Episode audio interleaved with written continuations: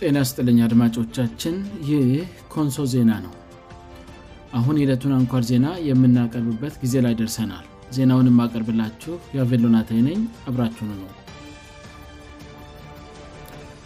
አርስት ዜናዎቹን በማስቀደም የእዕለት ሀሙስ ሂዳር 28 ቀን 2014 አም አንኳር ዜናዎችን አሰማለሁ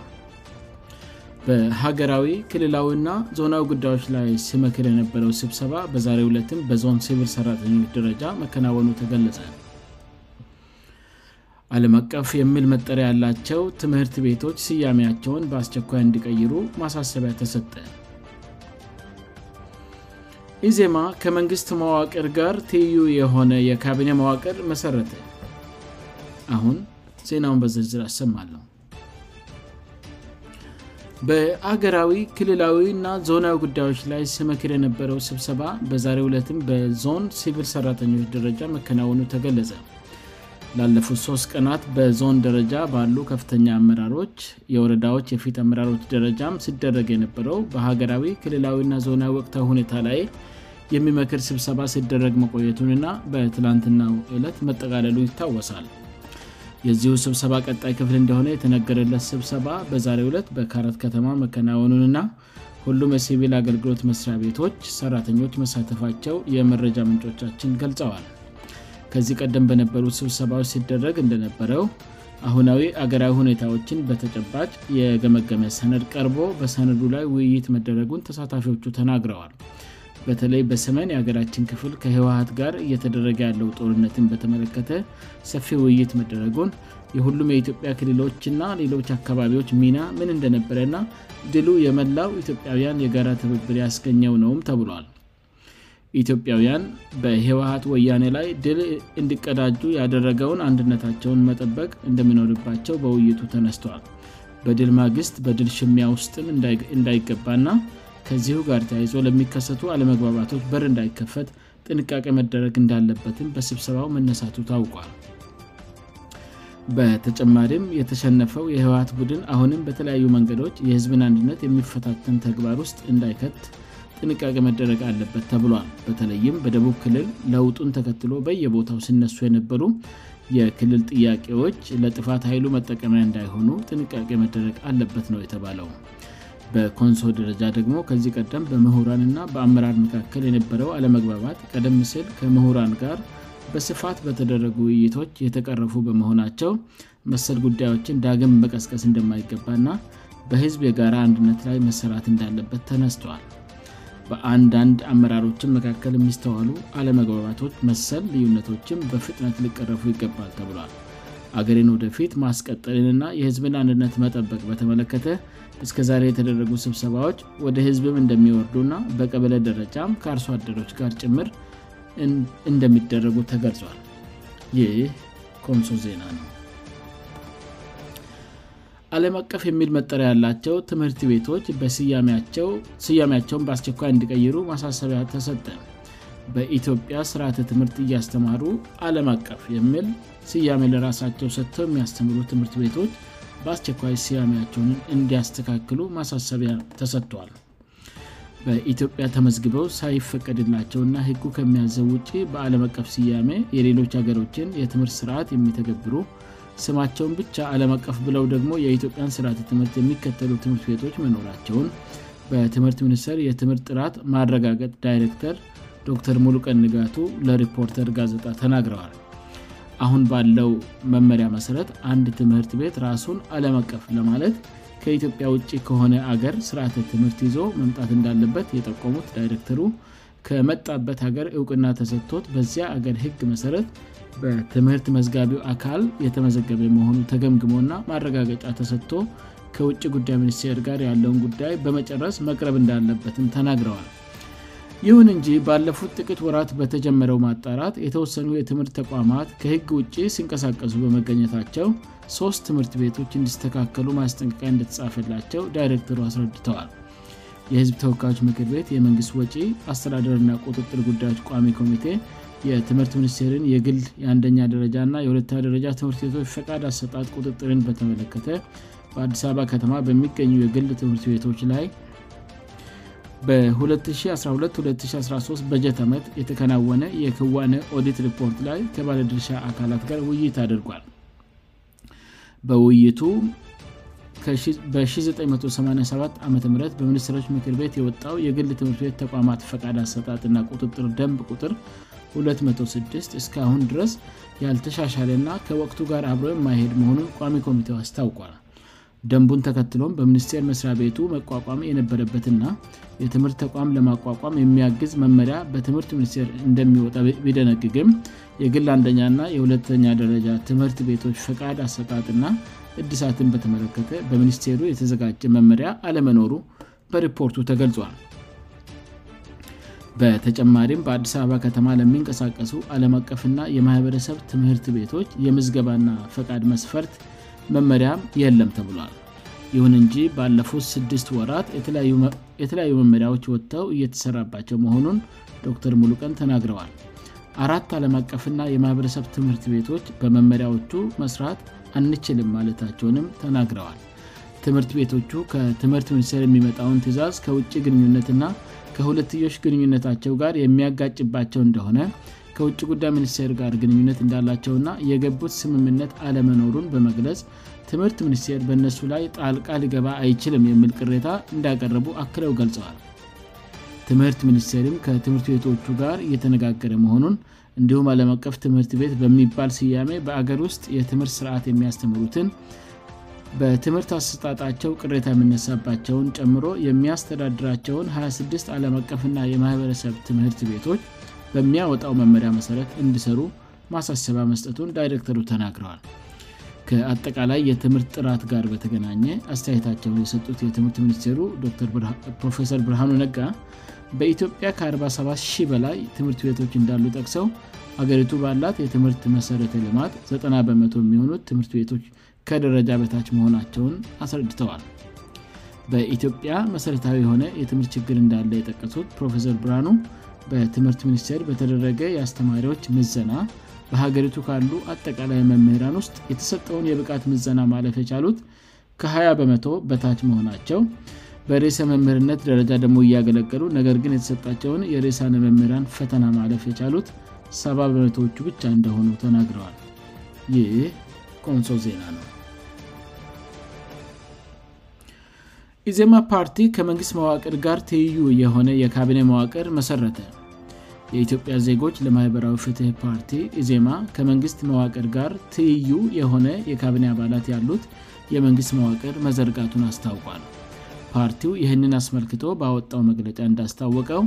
የትይዩ ካቢኔ ብሎ የሰየመውን ና ከመንግሥት ተቋማት ሹማምንት ጋር ተመሳሳይ ኃላፍነት ያላቸው ነገር ግን መንግስታዊ ስልጣን የሌላቸው የካቢኔ አባላት የያዘ መዋቅር ማዋቀሩን ገልጿል ኢዜማ መግለጫውን ከማውጣቱና መዋቅሩን ይፋ ከማድረጉ አስቀድሞ ሰኞ ታይሳስ 25 ቀን 214 ዓ ከቀትር በኋላ የፓርቲ አባላት የጠቅላይ ሚኒስት ጽፈት ቤት ህንፃ በሰማያዊና በግራጫ ቀለሞች ተስሎ የሚታይበትን ምስል በማኅበራዊ ገጾቻቸው ስለጥፉ የነበረ ሲሆን አባላቱ ለምን ይህንን እያደረጉ እንደሆነ የተጠየቀው ፓርቲው በተመሳሳይ ቀን ማምሻውን መግለጫ እንደሚያወጣ አስታውቁ ነበር ሆኖም ፓርቲው መግለጫውን ያወጣው ማክሰ ታ26 ቀን 214 ጠዋት ነበር ፓርቲው ያወጣው መግለጫ አንድ ፓርቲ መንግስት ሲሆን ሊያደርጋቸው የሚችላቸውን ወሳኝ ስራዎች ለመስራት አስቀድሞው ራሱን በመንግስት ጫማ ውስጥ በማስቀመጥ በመንግስታዊ ቁመናና ቅርጽ ራሱን ማደራጀት መቻሉ ትልቅ ምንያ ልጫወት እንደምችል ከሌሎች አገሮች ልምድ ማየት ይቻላል በማለት የተመሰረተውን መዋቅር የሚያብራራ ሲሆን የመድብለ ፓርቲ ስርዓት መገንባትን እንደ ትልቅና ወሰን ቁም ነገር ለሚወስድና ዲሞክራሲያዊ ስርዓትን ያለ ተፎካካሪ ፓርቲዎችና አማራጭ ሀሳቦች ማሰብ እንደማይቻል ለሚገነዘብ እንደ ኢዜማ ላለ ፓርቲ የመንግስት ስልጣንን ብይዝ ያሉትን አማራጭ ሀሳቦች ለህዝብ የሚያሳይበት አደረጃጀት ና ማዋቅር መፍጠር መቻል በቀጣይ ምርጫ እንደ ሀቀኛ ተፎካካሪ እንዲቆጠር ከማድረግን ባለፈ የሰለጥነ ዲሞክራሲያዊ ፖለቲካን ለሀገራችን ለማስተዋወቅእና ለማጎልበት ከፍተኛ በጎ አስተዋጽኦ ይኖረዋል ስልም በምክንያት አስረድቷል በአውሮፓ ሀገሮች በተለይም በእንግሊዝ ሻዶ ካቢኔ ወይም ሻዶ ሚኒስትር በተቃዋሚ ፓርቲዎች ተመስርቶ ተጠባባቂ መንግስት የሚባል ሲሆን ለእያንዳንዱ ሚኒስቴር መስሪያ ቤት ትይዩ የሆኑ የተቃዋሚ ሽማምንት ይቀመጣሉ የእንግሊዝ ፓርላማ ድረገጽ እንደሚያስረዳው የሻዶ ካቢኔ አባላት በተቃዋሚ ፓርቲው መሪ የሚመደቡ ይመደባሉ እያንዳንዱ አባል በፓርቲው የተለየ የፖሊሲ ዘርፍ እንድመራ የሚመደብ በመደበኛው ካቢኔ ውስጥ ያሉ ሚኒስተሮች የሚሰሩትን እንድጠይቅና እንዲከታተል የሚያደርግ አደረጃጀት ነው በዚህም አግባብ ተቃዋሚው መንግስት ለመሆን በመጠባበቅ ላይ ያለ አማራጭ እንደሆነም ያሳያል የእንግሊዝ የለበል ፓርቲ ተመሳሳይ መዋቅር 32 አባላት ያሉት አደረጃጀት ነው ሆኖም tu ካቢኔ በመደበኛው አደረጃጀት ካሉ የካቢኔ ቁጥሮት ጋር መተካከሉ የግድ እንዳልሆነ ተቃዋሚ ፓርቲው ያስፈልገኛል ብሎ የሰበውን የፖሊሲ ዘርፍ መርጦ ለተመረጡት ብቻ tu ካቢኔ ማዋቀር እንደሚችል የእንግሊዝ ኢንስቲቱት ፎ ጎቨርንmeንት ያትታል ኢዜማ በበኩሉ 22 አባላት ያሉት አደረጃጀት የመሠረተ ሲሆን የቆይታ ዘመናቸውን በህገ መንግስቱ የአንድ መንግስት የቆይታ ጊዜ የሆነው አ ዓመት እንደሆነ ተነግሯል የtu ካቢኔ ጸሐፊ አቶ ይመስገን መሳፍንት ለሪፖርተር ጋዜጣ እንደተናገሩት በመንግሥት ሹመት የተሰጣቸው የፓርቲው አባላት በዚህ tu ካቢኔ ውስጥ እንደሚኖሩና በፓርቲው መሪ ስር የሚዋቀር አደረጃጀት ነው ከመደበኛ የመንግሥት መዋቅር ጋር ከሰነድ ልውውጥና ከዛ የዘለለ ግንኙነት እንደማይኖራቸውም አስታውቀዋል ታዋቂው የህግ ምሁርና ትንታኝ ዶክተር አደም ካሴ የኢዜማን ውሳኔ አስመልክተው በትዊተር ገጻቸው ባሰፈሮች መልከታ ይህ አሰራር እንደ እንግሊዝ ባሉ ሁለት ፓርቲ ባለባቸው ሀገሮች የተለመደ እንደሆነ በመጠቆም የፓርቲው መሪ የሚመራው እንደሆነ ገልጸዋል ዶተር አደም አክለውም ለይፋዊ የተቃዋሚ መሪ እውቅና መስጠት ተቃዋሚዎችን ና ሚናቸውን ማጠናከር ተቃዋሚዎችን በመንግስት ካቢኔ ውስጥ ከማካተት ያላነሰ ጠቃሚ ሊሆን ይችላል ብለዋል ለወደፊት በሀገር በክልልና በካቢኔ ደረጃ አሸናፊ ፓርቲ ሁሉን ጠቅልሎ የሚወስድበትን የፖለቲካ ስርዓት ለመቀየር ቁልፍ ተገማጭ መሆን ይኖርበታል በማለት ያሳስባሉ ሆኖም አሁን በኢዜማ የተመሠረተው ትዩ ካቢኔ ለጀርመን የባለሙያዎች ምክር ቤት ቀረቤታ ያለው ነው ይላሉ የጀርመን የባለሙያዎች ምክር ቤት ከተመሠረቱለት የኢኮኖሚ ዘርፍ አንዱ ሲሆን ይህ ምክር ቤት እንደ አውሮፓ አጣጠ በ1963 የተመሠረተ ነበር ምክር ቤቱ ከየትኛውም የመንግሥትና የፓርቲ ተጽዕኖ ነፃ የሆነ ሲሆን ሳይንሳዊ ጥናት በማድረግ ለፖሊሲ ውሳኔዎች ግብአት ይሰጣል ይኸውም ኮሚሽን በሕግ ከተቀመጡለት ዓላማዎች በስተጋር ምንም አይነት መንግሥታዊ ሥልጣን እንደሌለውና ሳይንሳዊ ግኝቶቹን በአግባቡ ካልተነተንና አናሳ ድምፅ ያላቸውን አባላቶቹን ሐሳብ ሳካትት ከቀረም በሕግ የተሰጠውን ጥበቃ ሊያጣ እንደሚችል በ1973 የጀርመን ኢኮኖሚ ባለሙያዎች ምክር ቤት አባል ሆነው ለ6 ዓመታት ያገለገሉት ሃርበርት ገርሽ በአሳተሙት ጥናት አስረድተዋል ይዜማ በበኩሉ ያቋቋሚውን የሻዶ ካቢኔ በተመለከተ ባወጣው መግለጫ የእንግሊዝን አሰራር ከግምት እንዳስገባ የጠቆመ ሲሆን ከሀገራችን ወቅታዊና ህጋዊ ሁኔታ አንጻሪም ተፎካካሪ ፓርቲነት መዋቅር ልምድ ሰነዶችና መሰል የካበቱ አሰራሮች ባለመኖራቸው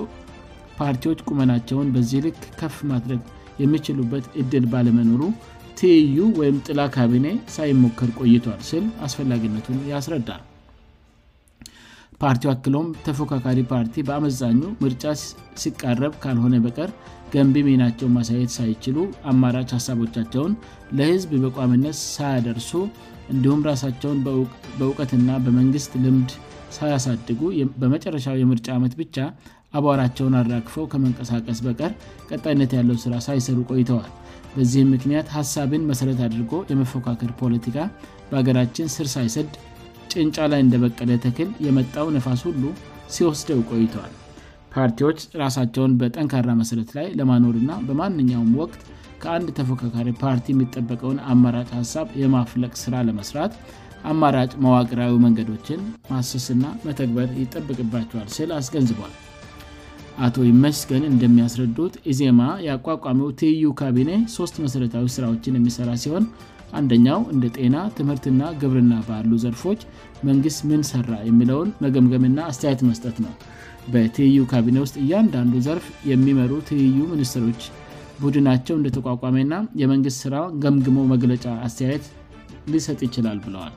ከዚህ በተጨማሪም ትዩ ካቢኔው ዜማ በፓርላማ ውስጥ ያሉት አባላቱ የሚረቀቁ ህጎች ላይ አስተያየት በሚሰጡበት ጊዜ ህጉን የሚመለከተው ዘርፍ ትይዩ ሚኒስትርና ቡድኑ ተወያይቶ የፓርቲውን አቋም በፓርላማ አባላቱ በኩል ይእንዲያቀርብ እንደሚደረግ አቶ ይመስገን ገልጸዋል በቀጣይ ምርጫ ኢዜማ የሚያቀርበውን አማራጭ ፖሊሲ የሚያዘጋጀው ይኸው ካቢኔ መሆኑን ገልጸው ካቢኔው በአምስት ዓመታት ቆይታው ይህንን እንደሚሠራ ጠቁመዋል ትዩ ካቢኔው የሚመራው በኢዜማ የመሪ መዋቅር በኩል መሆኑን ያስረዱት አቶ ይመስገን በፓርቲው መተደራ ደንብ መሠረት የትዩ ካቢኒ አባላት የሚያቀርቡት የፓርቲው መሪ መሆናቸውን ገልጸዋል ይሁንና የኢዜማ መሪ ፕሮፌሰር ብርሃኑ ነጋ በትምህርት ሚኒስቴርነታቸው ካለባቸው የስራ ጫና አንጻር አባል የሚሆኑ ሰዎችን የሚያቀርብና ተወያይቱ የሚያዘልግ የፓርቲውን መሪና ምክትል መሪውን ጨምሮ አምስት አባላት ያሉት ጽፈት ቤት መዋቀሉን አስረድተዋል ፓርቲው በtዩ ካቢኔ ውስጥ የአባልነት ስልጣን የሰጣቸውን አባላቱን ዝርዝር እስካሁንም በያስታውቅም ቲዩ ካቢኔው ከጥቅምት 8 ቀን 2014 ዓም ጀምሮ ሥራ1 እንደጀመረ ገልጸዋል የጤና ትዩ ሚኒስትሩና ቡድናቸውም ለህዝብ ተወካዮች ምክር ቤት በቀረበው የጤና መድን አዋጅ ላይ እየተወያዩ መሆናቸውንም አቶኢመስገን አስረድተዋል የኢዜማ tዩ ካቢኔ በተለያዩ የማኅበራዊ ትስር ገጾች ተጠቃሚዎች ዘንድ ትኩረት የሳቤ ሲሆን በተለይ የኢዜማ አባል የመንግስት ካቢኔ ውስጥ ተካተው ሳለ በአንድ በኩል ፖሊሲ እያስፈጽሙ በሌላ ወገን ደግሞ ልተቹ ነው ወይ ስሉ የሚጠይቁም ነበሩ ይህንን አስመልክተው የግል አስተያየት በፌስቡክ ገቸው ያሰፈሩት የኢዜማ ስራ አስፈፃሚ አባልና ለአዲስ አበባ ከተማ አሰዳደር የኢንቨስትመንት ቢሮ ሃላፊ አቶ ግርማ ሰይፉ መጀመሪያ በ21 ትዩ ካቢኔ ሚኒስትሮች ቦታዎች ውስጥ በአንድ ውስጥ ኢዜማ ስለሚገኝ በሌሎቹ ላይ ትርጉም ያለው የክትትልና ግምገማ ስራ ለመስራት የሚከለክል አሰራር ሊኖር አይችልም በእንግሊዝ ጥምር መንግስት ቢመሰርቱ የሻዶ ካቢኔ ተግባር ልቆም እንደማይችል እናውቃለን በእንግሊዝ ቲዩ ካቢኔ በህግ ድጋፍ ያለው አደረጃጀት ነው በተመሳሳይ አንድ ሰው ሳይሆን ብዙ የሚኒስትር ቦታዎች በካቢኔ ውስጥ ቢኖረንም የተለያየ የፓርቲ ሀሳብ ለማራመድ እና ለህዝብ ለመንገድ የሚከለክል አሰራር የለም ብለዋል የትዩ ካቢኔት ስራ መቃወም ብቻ ሳይሆን አማራጭ የተለያዩ ሀሳቦች ቢታዩ ብሎ መጠቆም መሆኑንም መዘንጋት አያስፈልግም ስሉ አቶ ግርማ አብራርተዋል